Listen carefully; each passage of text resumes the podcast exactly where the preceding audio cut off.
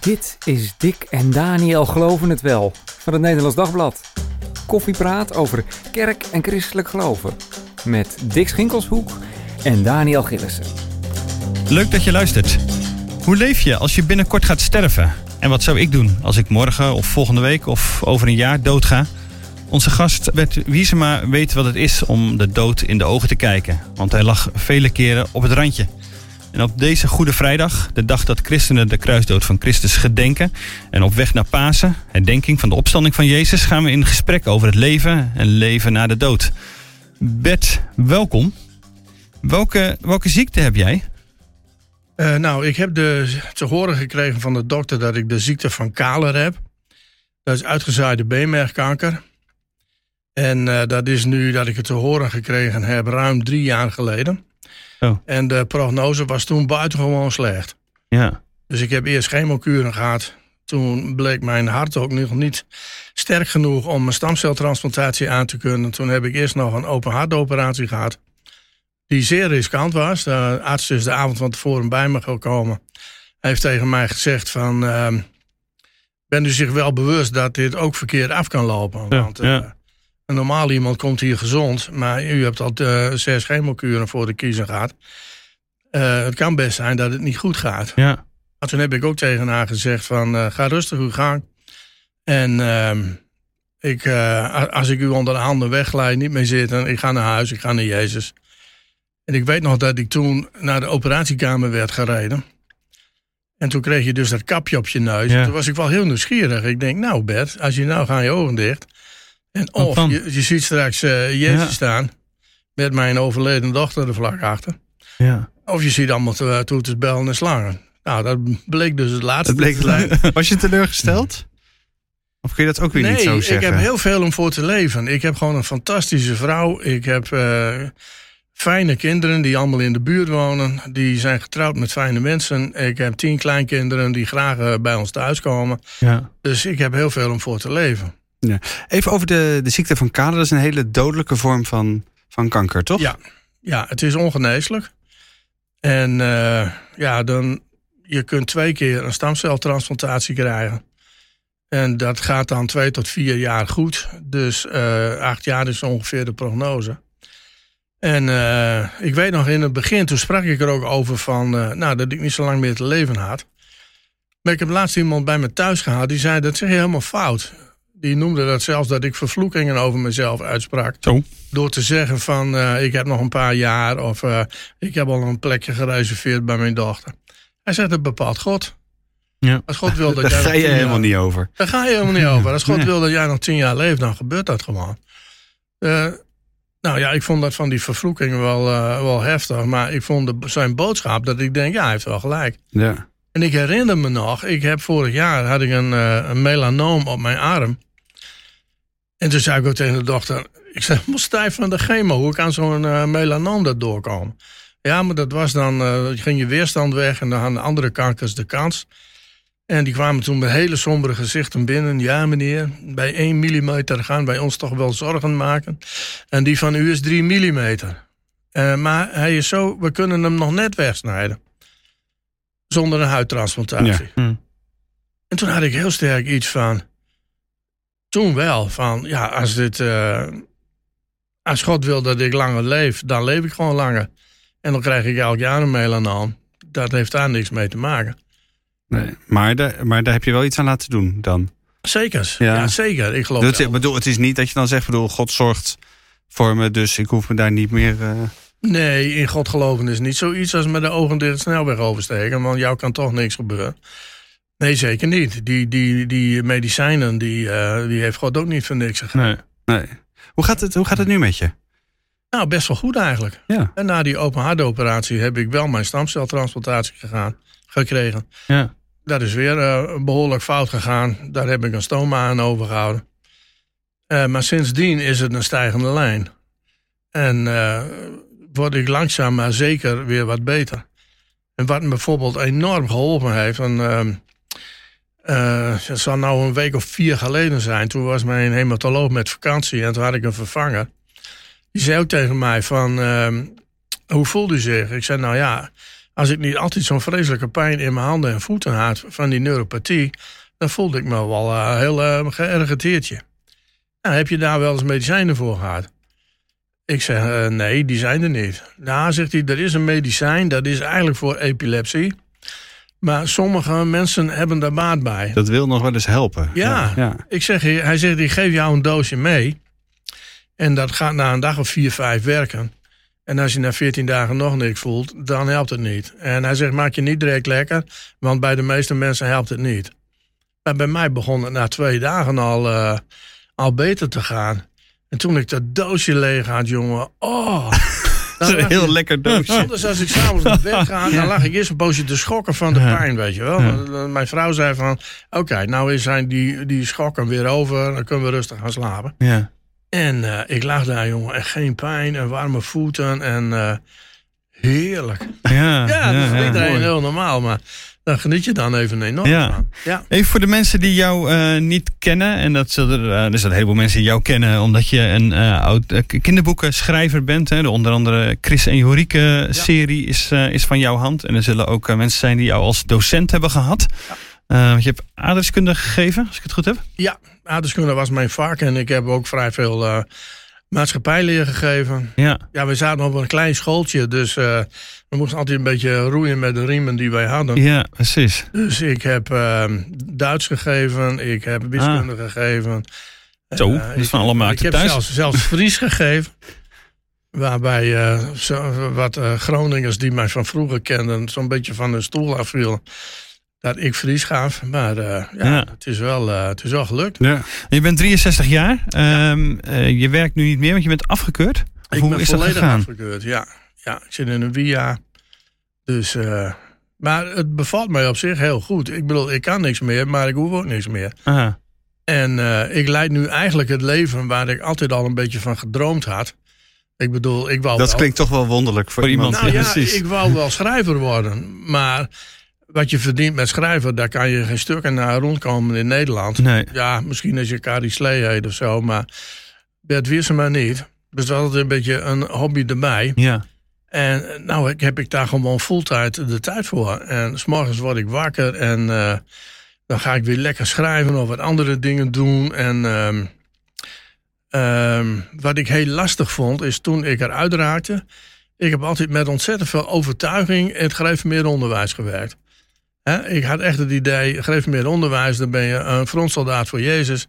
Als je geen levende band met Jezus hebt, dan heb je niks te zoeken op zo'n school. En, uh, Duidelijke taal. Nou ja, dat vind ik. Ja. En uh, elke morgen een dagopening. Aardrijkskunde is natuurlijk een vak wat je heel makkelijk de levensbeschouwelijke kant op kan duwen. En uh, toen ik daar. Maar de laatste jaren viel mij dat best wel zwaar. Ja. He, toen je aan dat werk begon, was iedereen nog met zijn zestigste met pensioen. En dan ineens tot 67. Dus als je dan boven de 60 komt, dan begin je het werk wel zwaar te Ja, dan ga je aftellen. Dus ja. toen ik eruit raakte, mijn eerste gedachte was van... Uh, God is helemaal klaar met jouw gezeur. Die heeft zoiets van, uh, het is prima jongen, ik zoek wel iemand anders. Ah, toen dacht ik later van, ja, maar zo, zo is God helemaal ja. niet. En dat merk ik nu, want God gebruikt me gewoon op een hele andere manier weer. Ja, ja. Heb je even veel energie om bijvoorbeeld te schrijven? Of... Ja. Of dan ook te doen wat je dan allemaal in je hoofd hebt om, uh, om ja, te doen? Ja, ik moet ook elke dag oefeningen doen en rondjes lopen. Maar die, die moet Heel ik goed echt, rondjes lopen. Ja, precies. Hm. Maar die moet ik echt uh, plannen en doen. Want uh, als ik mijn zin deed, dan zat ik gewoon acht uur per dag te schrijven. Want zit er nog een boek aan te komen ergens in de komende uh, maanden? Volgens mij komen er zeven titels uit dit jaar. Maar er zijn Zo. ook een paar oudjes bij. Oh, die worden ook weer heruitgegeven? Ja, ik heb nu uitgeverij Mes. En die geeft de Logboek Lammers serie opnieuw uit. Ja. En ik heb gezegd van, uh, nou, als jij die serie uitgeeft, dan schrijf ik die serie door. Dus deel 11 is al uit, deel 12 is klaar. En deel 13 ontplooit zich in mijn hoofd. Aha. Dus, uh, maar goed, het laatste boek wat ik uh, geschreven heb, dat is het tiende deel in de Simon Spectrum serie. Die moest eigenlijk wat snel klaar. Dus uh, ik ben daar een maand geleden aan begonnen, zonder dat ik wist hoe het afliep. En uh, afgelopen uh, vrijdag had ik hem klaar. Maar daar ben ik wel haast obsessief mee bezig geweest hoor. Dat verhaal ontplooide zich zo mooi. En dat werd zo spannend dat ik haast niet kon stoppen met schrijven. En- Je wilde zelf ook weten hoe het afliep. ja, precies. Ja, Ja, ja. en mijn vrouw die heeft het dus, die doet altijd de eerste correctie. En het, eh, het leuke was, die, eh, die was ook niet te houden. Die had echt iets van, dit is, dit is spannend jongen. Ik kan niet Ja, stoppen. is lezen. Dus, eh, Ja, je, zit er van, je zit er duidelijk van te genieten, zeg Ja, maar, hoe jongen, spannend dat- mooi je dit boek zelf geschreven hebt. Ja, Ja, dat is wel dat tof. vind ik ook heel bijzonder. Ja. Dat je dus eh, hè, een idee in je hoofd, dat dit zich eh, uit elkaar rolt. En dat je dan Ja. een verhaal hebt. En dat je daar heel veel menselijk plezier mee gaat doen. Ja, Ja. ja. Maar je zegt, eh, ik, heb, eh, ik heb nu die tijd gekregen. Het is bijna het leven waar ik van droomde. Ja. Eh, je vertelt vol enthousiasme over een boek. En tegelijk, je vertelt ook, je bent ziek. Eh, ja, je weet niet hoeveel jaren je gegeven worden. Maar je Nee. weet wel dat je niet oud zult worden. Eh, hoe, hoe krijg je dat bij elkaar? wordt, hè, of ik oud word. Maar, mensen- ik nou. Maar ja, maar menselijke wijs gesproken. Menselijk wijs gesproken word ik niet oud. Nee, dat nee. klopt. Hoe krijg je dat bij elkaar in je hoofd? Blijf je daar vrolijk onder? Hoe, hoe werkt dat? Hoe werkt dat voor jou? Nou, dan kunnen we meteen het bruggetje maken naar eh, Goede Vrijdag en Pasen. Nou, laat maar doen dan. Nou, Hmm. Jezus is eh, gestorven voor mijn zonde. De, de weg ligt open. Het is klaar. Dus als ik hier nog een poosje mag blijven, dan geniet ik van met volle teugen. But the best is yet to come. Het mooiste komt nog. Hm. En daar heb ik ontzettend veel zin in. Ja, maar je zult ook een heleboel moeten achterlaten. Ja, dat klopt. Dat klopt. Maar in de wetenschap, dat is tijdelijk. Die komen ook. Die komen ook. En is dat ooit, is dat twijfel wel eens bij jou? Van, stel je voor dat het nou, dat dat, dat, dat niet zo is of zo. Of dat, dat ik me daarin vergis. Of dat je gewoon toch een beetje ja, er bang van wordt of zo. Van wat er, eh, omdat je ook niet precies weet hoe het eruit gaat zien hierna. Nee, totaal niet. Ik denk dat dat geloof is. De zekerheid van de dingen die je niet ziet. Geloof is een zekerheid. Ja. Dat, daar twijfel ik ook niet aan. En het is wel zo, op mijn veertigste heb ik een hartinfarct gehad en dat, eh, dat zag er slecht uit. Dus dan had ik al afscheid van mijn vrouw genomen en eh, toen mocht ik nog blijven leven. Maar dan sta je er wel meer bij stil van, ja, wat als? En toen ben ik daar boeken over gaan lezen. En het boek waar het meeste indruk op mij gemaakt heeft, dat is eh, Deadline. Ja, nou, Randy Alcorn. maar die Ja. heeft ook een boek geschreven, Heaven. Dat is niet in het Nederlands vertaald, maar dat is fantastisch. En ehm, En waarom is dat zo fantastisch? omdat het dus. ehm, hij is een, preda- een eh, Amerikaanse predikant. Ja. En hij was op een conferentie. En toen spraken ze erover met andere predikanten: van heb jij zin om naar de hemel te gaan? En dat was allemaal verhalen van, ja, ik weet niet wat dat is. En ja, dat is, ons, hè, dat is voor ons verborgen. En toen dacht hij, als wij als predikanten daar al geen zin in hebben, hoe kunnen wij dan onze gemeenteleden ervan overtuigen dat het leuk is? Dus toen is hij met heel andere ogen de Bijbel gaan lezen. Gewoon van, zegt de Bijbel er überhaupt iets over? Nou, en zo gaat hij de hele Bijbel door. En eh, zijn er dieren? Ja, de leeuw zal liggen bij het lam. Eh, her- herkennen wij elkaar? Nou, boven de poort staan de namen van de stammen van Israël. En op de fundamenten staan de namen van de apostelen. Ik kan me niet voorstellen dat Johannes straks door de Johannespoort loopt en denkt: Goh, wie zou dat wezen? dat weet hij dat hij dat zelf is. Dus dan herinnert hij zich wie die was. En als ik kijk bij eh, Saul, die ontmoet eh, Samuel. Samuel komt daar nooit niet op van: Ik weet niet wie ik ben, ik weet ook niet wie jij bent, maar ik heb de volgende boodschap voor je. Nee. Daar, nou ja, daar heb ik me dus in verdiept. En ik heb net een aantal avonden met de jeugd van onze kerk daarover gehad. Ja, dat was fantastisch. En ik heb ook tegen de jeugd gezegd van... eh, kijk, ik kan me voorstellen dat jij denkt... Kijk Bert, jij staat nog met één been in de kist. Dat jij daarmee bezig bent, dat snap ik. Maar ik ben twintig. Ja. Wat heb ik ermee nodig? Ik Maar- hoef daar nog niet aan te Nee, denken. maar als ik zie van... Ja. Op mijn veertigste heb ik dus ontdekt hoe fantastisch ons voorland is. Hm. Als ik dat eh, zeg maar 30 jaar ervoor had geweten... dan was ik wat lichtvoetiger door het leven gehuppeld. Maar je klinkt als de ideale gelovige. Dit is zo, zo, wow. Als iemand zo gelooft, zich zo kan overgeven... op het moment dat je de, de dood Ja, in maar de ogen kijkt... dat- want dat heb je ik vaak dat gedaan. Echt. Ik had laatst iemand die zei tegen mij... Man, ik wou dat ik 10% van jouw geloof had. Ik zei, wat is nou voor dom geklets? Je hebt hetzelfde geloof, man. Dat is toch zo? Maar, als- je kan je vast wel voorstellen dat er ook mensen zijn die enorm kunnen twijfelen of heel somber kunnen worden of boos, opstandig, noem allemaal maar op. Ehm, Dat zijn toch ook veel voorkomende emoties die misschien ook wel ergens heel logisch zijn. ja, ik zeg ook niet dat dat niet goed is hoor. Hm.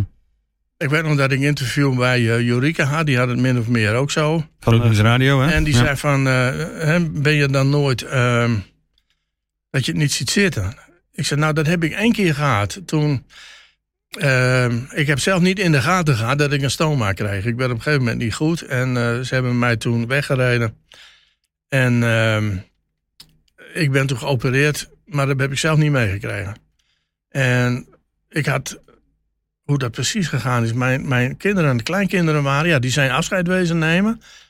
Toch wel, maar dat heb ik zelf niet zo meegekregen. Maar ik heb het wel met hun erover gehad. En die zijn toen naar beneden gegaan. En dat was in coronatijd. Dus dat hele grote Groningse academisch ziekenhuis, dat was leeg. En daar zit een fontein in het midden. Daar hebben ze bij gezeten. En hebben ze samen voor mij gebeden.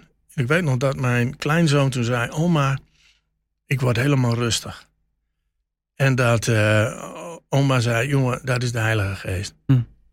En nou goed, toen kwam ik dus bij en toen had ik een stoma. En toen keek ik dus en dacht ik, donders, ik heb mijn kont onder mijn neus zitten. Toen had ik echt iets van, ja, dit trek ik niet. Toen had ik richting God ook iets van, nou heb ik zoveel voor de kiezer gehad. Ik heb geen enkele keer gemopperd, maar verdorie, dit trek ik niet. En eh, dat heeft ook wel een poosje geduurd voordat ik, eh, nou ja, Ja. dat, ja, ik denk altijd aan Job, weet je wel. Op een gegeven moment. Ja, ja, die werd alles afge- afgenomen. Hè? De Bijbel is, eh, Ja, die heeft op een gegeven moment ook grote mond van... Henry, ik vind dat niet eerlijk. En dan krijg je Mhm. Job 38 en daar staat dan in van... Job, waar was jij? Toen ik de aarde maakte en toen ik de sterren op hun plek zette. Met andere woorden, jongen, denk je dat ik jou de problemen niet op kan lossen? Wat bepaalde jou erbij dan inderdaad? Dat je die stoma zag, eh, verrek, waarom moet dit mij nog overkomen? En dat het even duurde. Maar wat, wat was dan de trigger waardoor je het toch kon accepteren? Weet je wat mij geholpen heeft? Dat zijn al die kaartjes die mij gestuurd zijn. Ik, eh, dat is heel raar hoor. Ik heb bulten kaartjes gehad. Mhm. En dan lees je die, weet je wel, de voetstapjes op het strand. En de heer is mijn herder en veel sterkte. Ja, al die voorgedrukte Ja, kaarten, jongen, weten wel hoe en het dan- moet. Nou, precies. Dan gaan de ene horen in de andere horen uit. Gewoon wat leuk, weet je wel. Het is heel leuk ook voor je kamergenoten. Die dus zien van een kaartje voor hem, kaartje voor hem. En een stapel voor hem. Oh, zo, zo. En, Ja. eh, maar toen dacht ik van... Ik heb die kaartjes toen gelezen, weet je wel. Van de Heer is je herder. En dan gewoon tien keer, de Heer is je herder, weet je Mhm. wel. Dat je wat erop staat ook eens eventjes naar binnen laat vallen. En dat die voetstapjes op het strand, dat God je gedragen heeft. Dan, dan ben je dat even kwijt. Maar als je dan die kaartjes pakt en je, je zegt... ik lees dit net zo lang tot ik het weer geloof en tot het weer naar binnen Je valt. moet er bijna op, op mediteren. Ja, zo zou je kunnen noemen. Ja. Je moet gewoon van, ik wil dat terug. En toen heb je het ook teruggekregen. Dat hoor je toch wel? Ja, dat, dat is duidelijk. Dat hoor ik wel, ja. Ja. Hoe vaak heb jij op het randje van de dood gelegen? Want je hebt gezegd van nou, toen hebben ze afscheid genomen. Dat zei je net- daarvoor. Ben je hartinfarct ook al een keer? Ja, Ehm, ja, hoe vaak eh, hebben jouw geliefden al... nou, dat afscheid van jou moeten concreet bij nemen. elkaar gezeten hebben, dat is denk ik twee keer. Dat ik e- echt mijn kleinkinderen eh, gezin voor gezin bij me gehad heb. En dat ik met mijn kleinkinderen, hè, mijn oudste kleinzoon is 16, dus je kunt wel nagaan, dat zijn ook, eh, hè, de, de oudste drie zijn 16, 14 en 12, dus die snappen Mhm. ook wel waar het over gaat. Ja, En hun moeder is al overleden. Ja. Het was ook, toen zij hoorden dat ik ziek was, toen was bij hun ook echt iets van, eh, heeft God ons onze moeder afgenomen eh, genomen en nu onze opa ook nog een keer. Dus die hadden het eventjes helemaal hard met God. En eh, Ja. dat hebben ze, ze ook wel gehad toen ze op een gegeven moment met mijn dochter afliep. Er is nog wel opnames van gemaakt. Mijn schoonzoon gemaakt heeft dat mijn, mijn, mijn kleinzoon echt woest is. Van waarom gaat mama nou dood? En dat mama hem tegen zich aandrukt. En jongen, het komt allemaal goed. En eh, ja, heftig hoor. ja. Ja. want dat was jouw dochter. Die is Ja. overleden aan borstkanker. Borstkanker. Kanker. Borstkanker, ja. 2017. 17. Ja. Ja. Ja. Je Ja. ziet bedoel, dit emotioneert je. Dat is natuurlijk, eh, dat is, dat is wel super heftig, zeg maar. dat je- Om je dochter natuurlijk te verliezen al. Absoluut. En ook je kleinkinderen dan te zien die daar hun moeder, eh, zo jong als ze zijn, Ja. al, eh, al kwijtraken. Ja, Ja. die waren toen 10, 8 en ze- en 6. Ja. Ja. Maar er zijn heel veel mensen die dan gewoon hun geloof kwijtraken. Die zeggen dat kan, een goede God kan dit toch nooit Toestaan of zo? ja, toestaan of bedenken. Of, eh, Nee, dat klopt. Maar ik denk van. eh, God is een miljoen keer zo slim als ik. Die heeft overal een plan mee. En ehm dan, dan, moet, dan, ja, dan, dan moet je bij neerleggen. Dat klinkt zo raar. Ik vind... Hoe, Eh, ga, hoe ga jij nou, ermee ik om? Vroeger, ik was geen mooie man. Dus de meisjes die stonden vroeger niet voor mij in de rij. En ik heb me dus iedere keer helemaal suf gebeden van... Heren, als u ervoor zorgt dat ik verkering met dat meisje krijg... dan zal ik nooit meer ongelukkig zijn, nooit meer vloek... mijn categorisatie leren en weet ik veel wat ik allemaal niet beloofd heb. en, eh, en dan kreeg je ze niet. En dan had je wel iets van... Ja, ik kan bij God ook net zo goed tegen de muur staan gaan praten, weet je wel. Dat is allemaal niks. En... eh, Het mooiste meisje aan je voorbij gegaan. Maar we Jongen, en nou heb ik de beste vrouw Ja, van de wereld. En. God wist toen. hebben er net ontmoet. Ja. Bed, jongen. Wacht nou maar. Rustig, nou maar rustig af. Ik kom het niet naar de rand van je bed vertellen. Maar je krijgt de hoofdprijs, jongen. en zo ervaar ik dat ook. Ja. En dan denk ik, nou met die ziektes, ja. Eerst had ik dus heel erg het gevoel, weet je wel. eh, de duivel heeft mijn mond dood. Ik kan nooit meer over mijn geloof praten. Nou, hier zit ik. Ja. En ik, heb, ik mag met de jeugd in de kerk spreken. Eh, bij ons in de kerk is het zelfs zo dat ik al twee keer voor heb mogen gaan in een jeugddienst, terwijl ik geen predikant ben. Nou, Mhm. Ik vind dat geweldig. Ja. Ik, heb, eh, ik ben in de kerk van. Ik ben begonnen ergens in. Ik kan even niet op die naam komen, maar ergens in het westen van het land. Ik werd gebeld door Mhm. een eh, jeugdleider die zei van. nou, ik heb dat interview met Jorike gehoord. Wil jij een keer voor de jeugd komen spreken? Volgend jaar in april. Was in oktober. Ik zei, jongen, Ja. ik weet helemaal niet of ik er nog ben. In, Dat is goed Nee. vooruitplannen. maar ja. laten we afspreken. Als ik er nog ben, dan kom ik. Dan kom ik. En eh, nou, dat heb ik voor de jeugd gedaan. En dat, was, dat mocht ik later nog een keer doen bij ons in de gemeente. En ik heb het gedaan in Droogeham. En er zaten 200 jonge lui van rond de 20 jaar. En ik ben bijna drie kwartier aan het woord geweest. En ik bedoel, ik ben leraar genoeg om te zien of Hmm. ik het gehoor nog heb. En je denkt, als ze met hun mobieltjes beginnen en ze beginnen onderling te ouwe hoeren, dan is er niks aan. Ze hebben drie kwartier ademloos liggen te, zitten te luisteren. Ja. Dus dan denk ik, wauw. En dat hebben ze vast wel meegenomen. En dan komt het dat het echt ja. ergens over gaat. Ja, dat ze het absoluut. gevoel hadden eh, Ja. bij Bert, die, nou ja, die, die, die meent wat hij zegt misschien. misschien wat, hoe, hoe Ja, ik, Hoe- ik hoe hoop dat dat zo interpreteer jij dat? is. Ja. En de onderwerp was van waar is God als ik pijn en verdriet heb. Nou, daar kun je wel een paar dingen over vertellen. Ja, Heeft dat jou, eh, het overlijden van je dochter, inderdaad nog een ander perspectief op de dood gegeven? Dat je ehm, daardoor, want je zei ook al, hè, de, als ik sterf, dan zie ik Jezus en daarachter mijn dochter. Ja. Aan het begin van dit gesprek. Ja. Is dat ook een soort ander perspectief wat dat geeft op de dood, om ook haar weer te zien?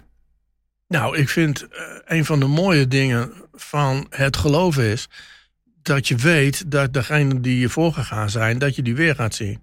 En degenen die achterblijven ook. En ik ben ervan overtuigd dat we elkaar herkennen. We zullen wel anders zijn. We krijgen een verheerlijk lichaam. Ik ben daar wat mee bezig geweest. En misschien ben ik nou eh, onzin aan het verkopen. Maar als je ziet, Jezus die gaat met die Emmausgangers op pad.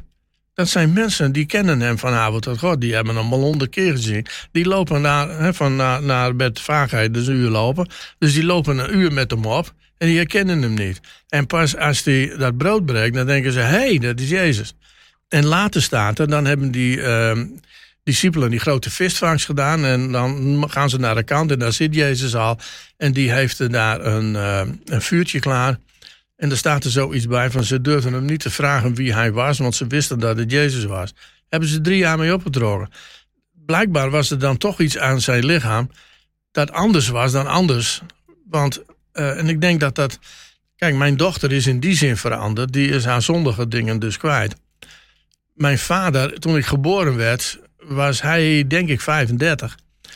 Dus toen ik hem echt een beetje goed leren kennen, was hij wel eh, zeg maar 50. En hij is 74 geworden. Dus als ik hem daar tegenkom, hoe ziet hij er dan uit? Hoe die was toen hij 30 was? Daar heb ik nog foto's van. Maar hoeveel mensen hebben geen foto's? Die hebben Hmm. geen flauw benul hoe eh, hun eh, ouders eruit uitzagen op die leeftijd.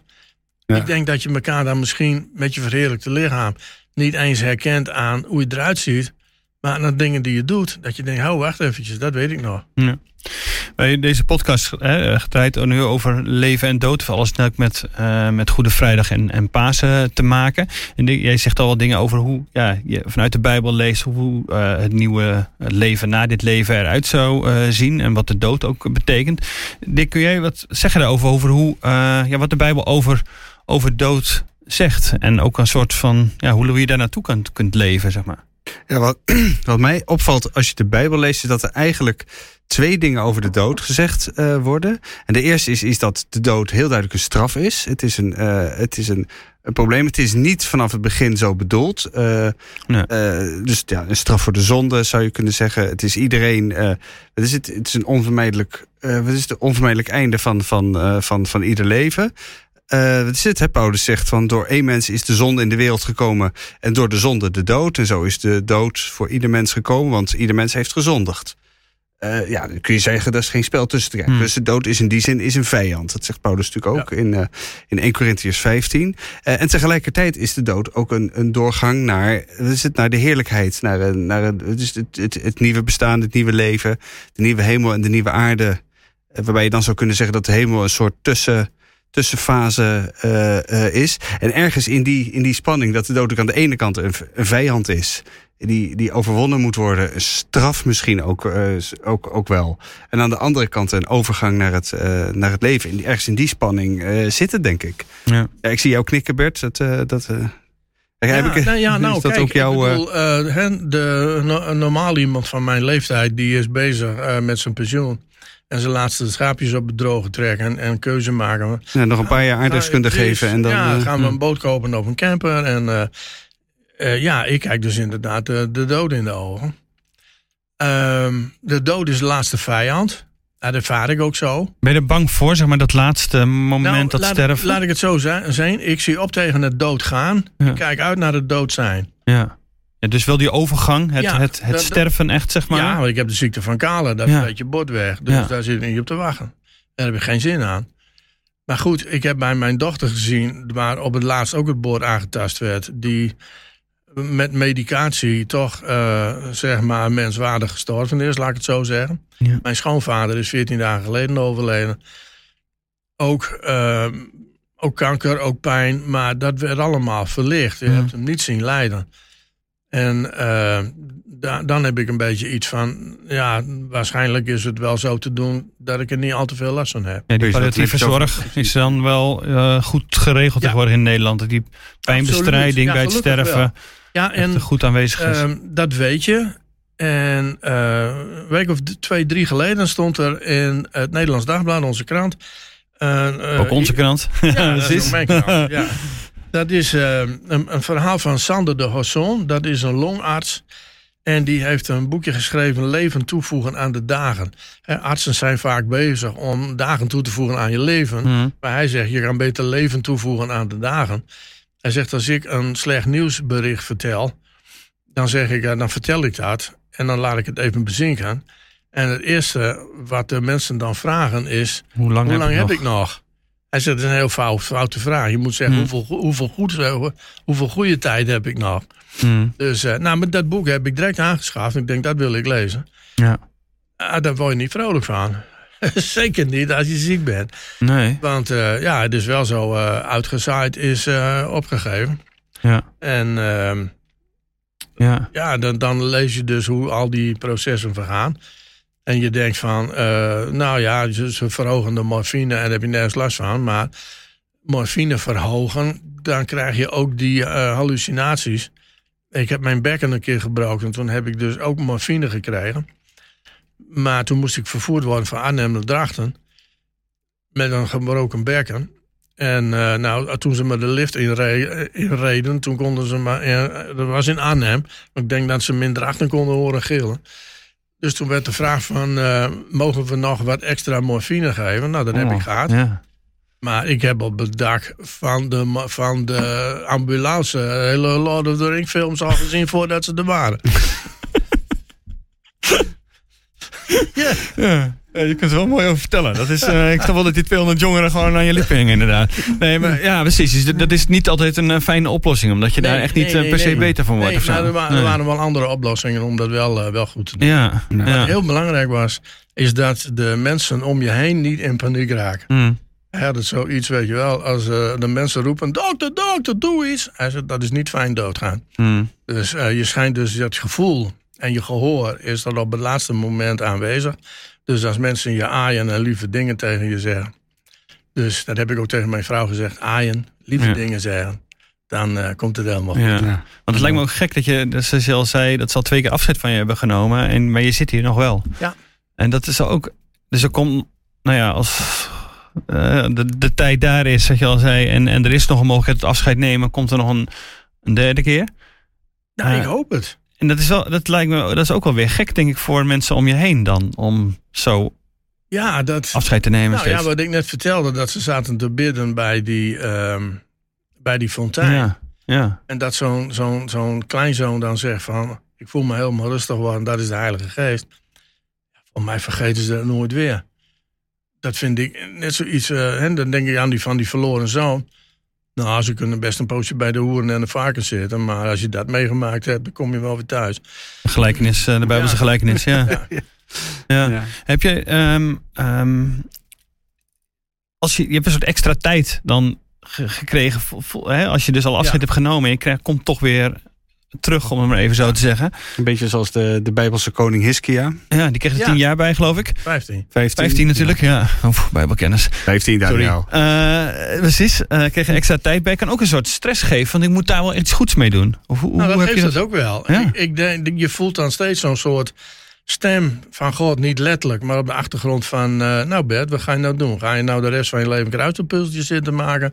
Of ga je nou wat nuttigs doen? Ja. En ik vond het heel mooi dat mijn, eh, een van mijn zonen, die heeft een jeugdvereniging. En die zei op een gegeven moment, ah, papa, dat, loopt niet zo. Weet je wel? Het zijn geen, onder, geen leerkrachten. Ik zei, joh, ik ga lessen voor je maken. En ik ga een, ehm, een PowerPoint maken met een gebruiksaanwijzing... wat je bij elk plaatje moet zeggen. En eh, iets te doen voor de jeugd. Een, papiertje waar ze dingen op in moeten vullen. En ja, dat vond ik geweldig. Dat, dat, dat, dat heb ik gemaakt. Tien lessen die hij nodig had. Ik heb direct aan onze eh, de, de jeugdcoördinator gezegd. Ik denk, er zijn vast wel meer verenigingen die ermee worstelen. Gebruik het maar. Dus overal waar ik kom, dan leur ik met mijn lessen. En ik merk dat het op verschillende plekken eh, gebruikt gaat worden. Ja. En dat geeft een kick dat je op die manier... Ik weet nog, ik ben een fan geweest van de... ehm, ehm, nou, zo'n blueszanger. Ik kan even niet op zijn naam komen. Stom. En die heeft, was op een tour. En die tour heette Kick the Devil in the Face Tour. Ah, dat vond ik zo mooi, weet je wel. Dan denk ik van... eh, als, als je dan denkt van... Nou, ik, ik kan niet meer dagelijks een dagopening doen. Maar ik doe gelukkig nou op deze d- dag wat.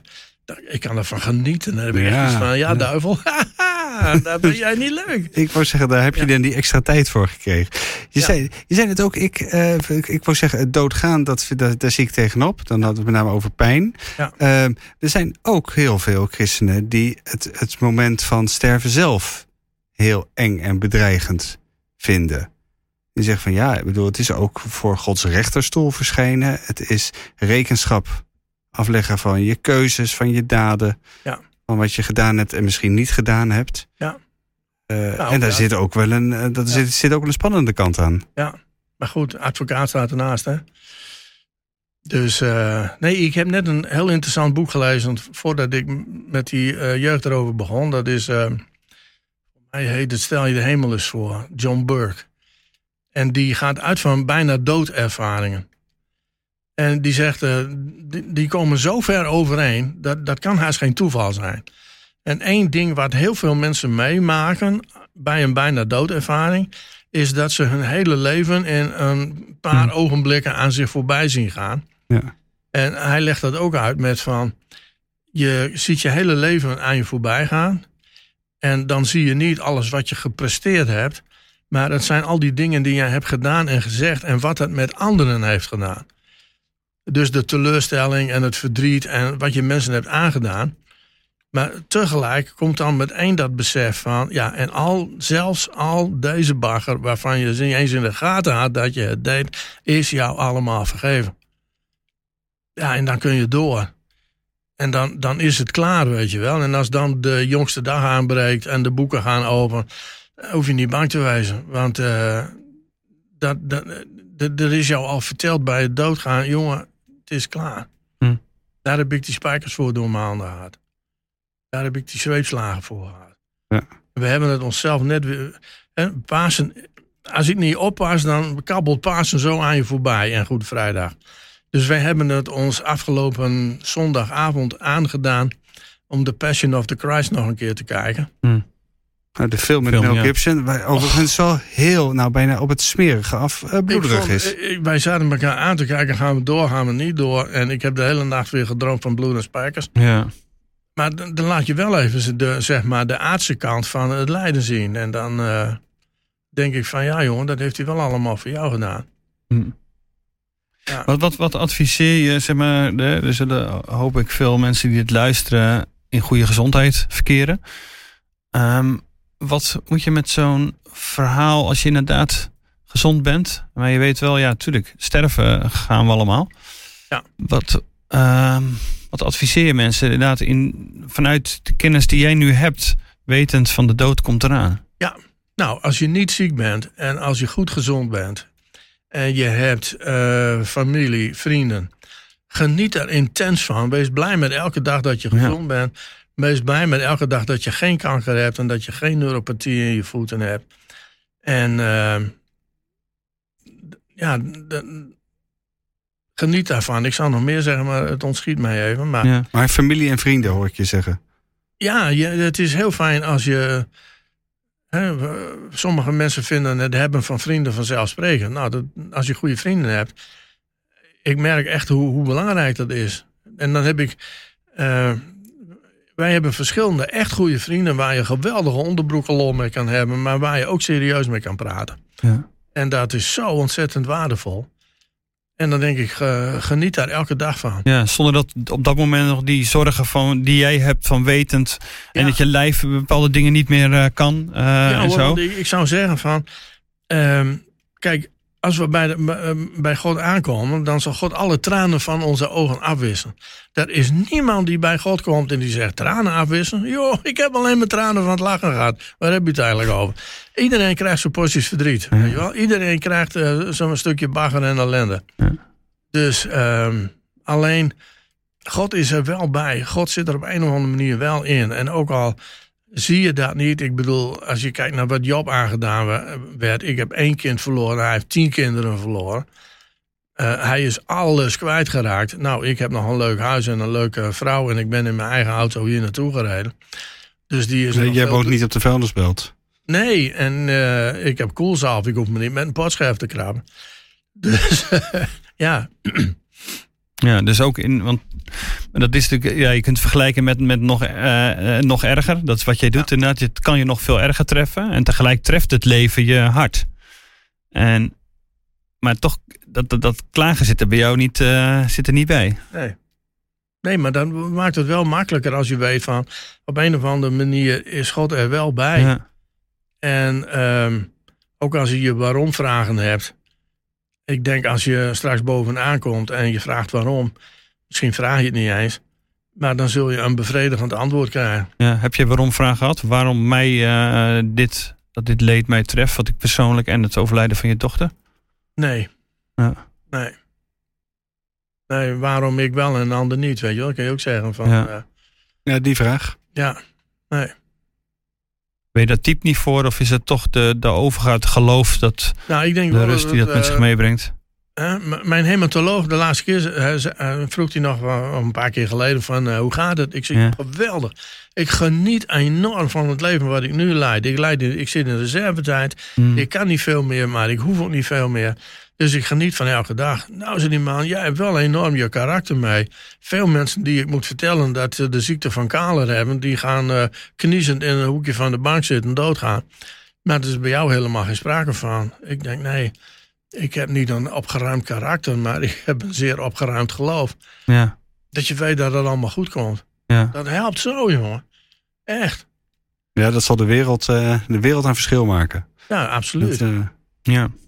Bijzonder, eh, Bert, om jouw eh, verhaal te horen. Zo, eh, nou ja, op Goede Vrijdag en ook met Pasen inzichten. En ook als je daarna luistert, denk ik dat, dat dit, dit, dit, dit raak je omdat het je, ja, jij vanuit jezelf dat vertelt en wat jouw ervaring met ja, de dood in de ogen kijken is. dank daarvoor. Dank voor die, voor die openheid en het gesprek hierover. Um, wij zijn aan het eind van deze podcast. Dick, uh, we gaan uh, volgende week vast weer iets anders moois uh, doen. Zeker. Vind je dat leuk? steun ons dan in elk geval door een abonnement op het Nederlands Dagblad te nemen. Je hebt net Bert al horen zeggen dat het een hele goede krant is.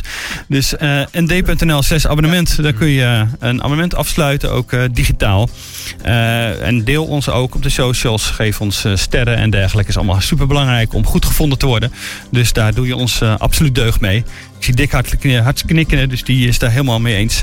Uh, dank voor het luisteren nogmaals en uh, tot uh, volgende week. Doeg. Dag.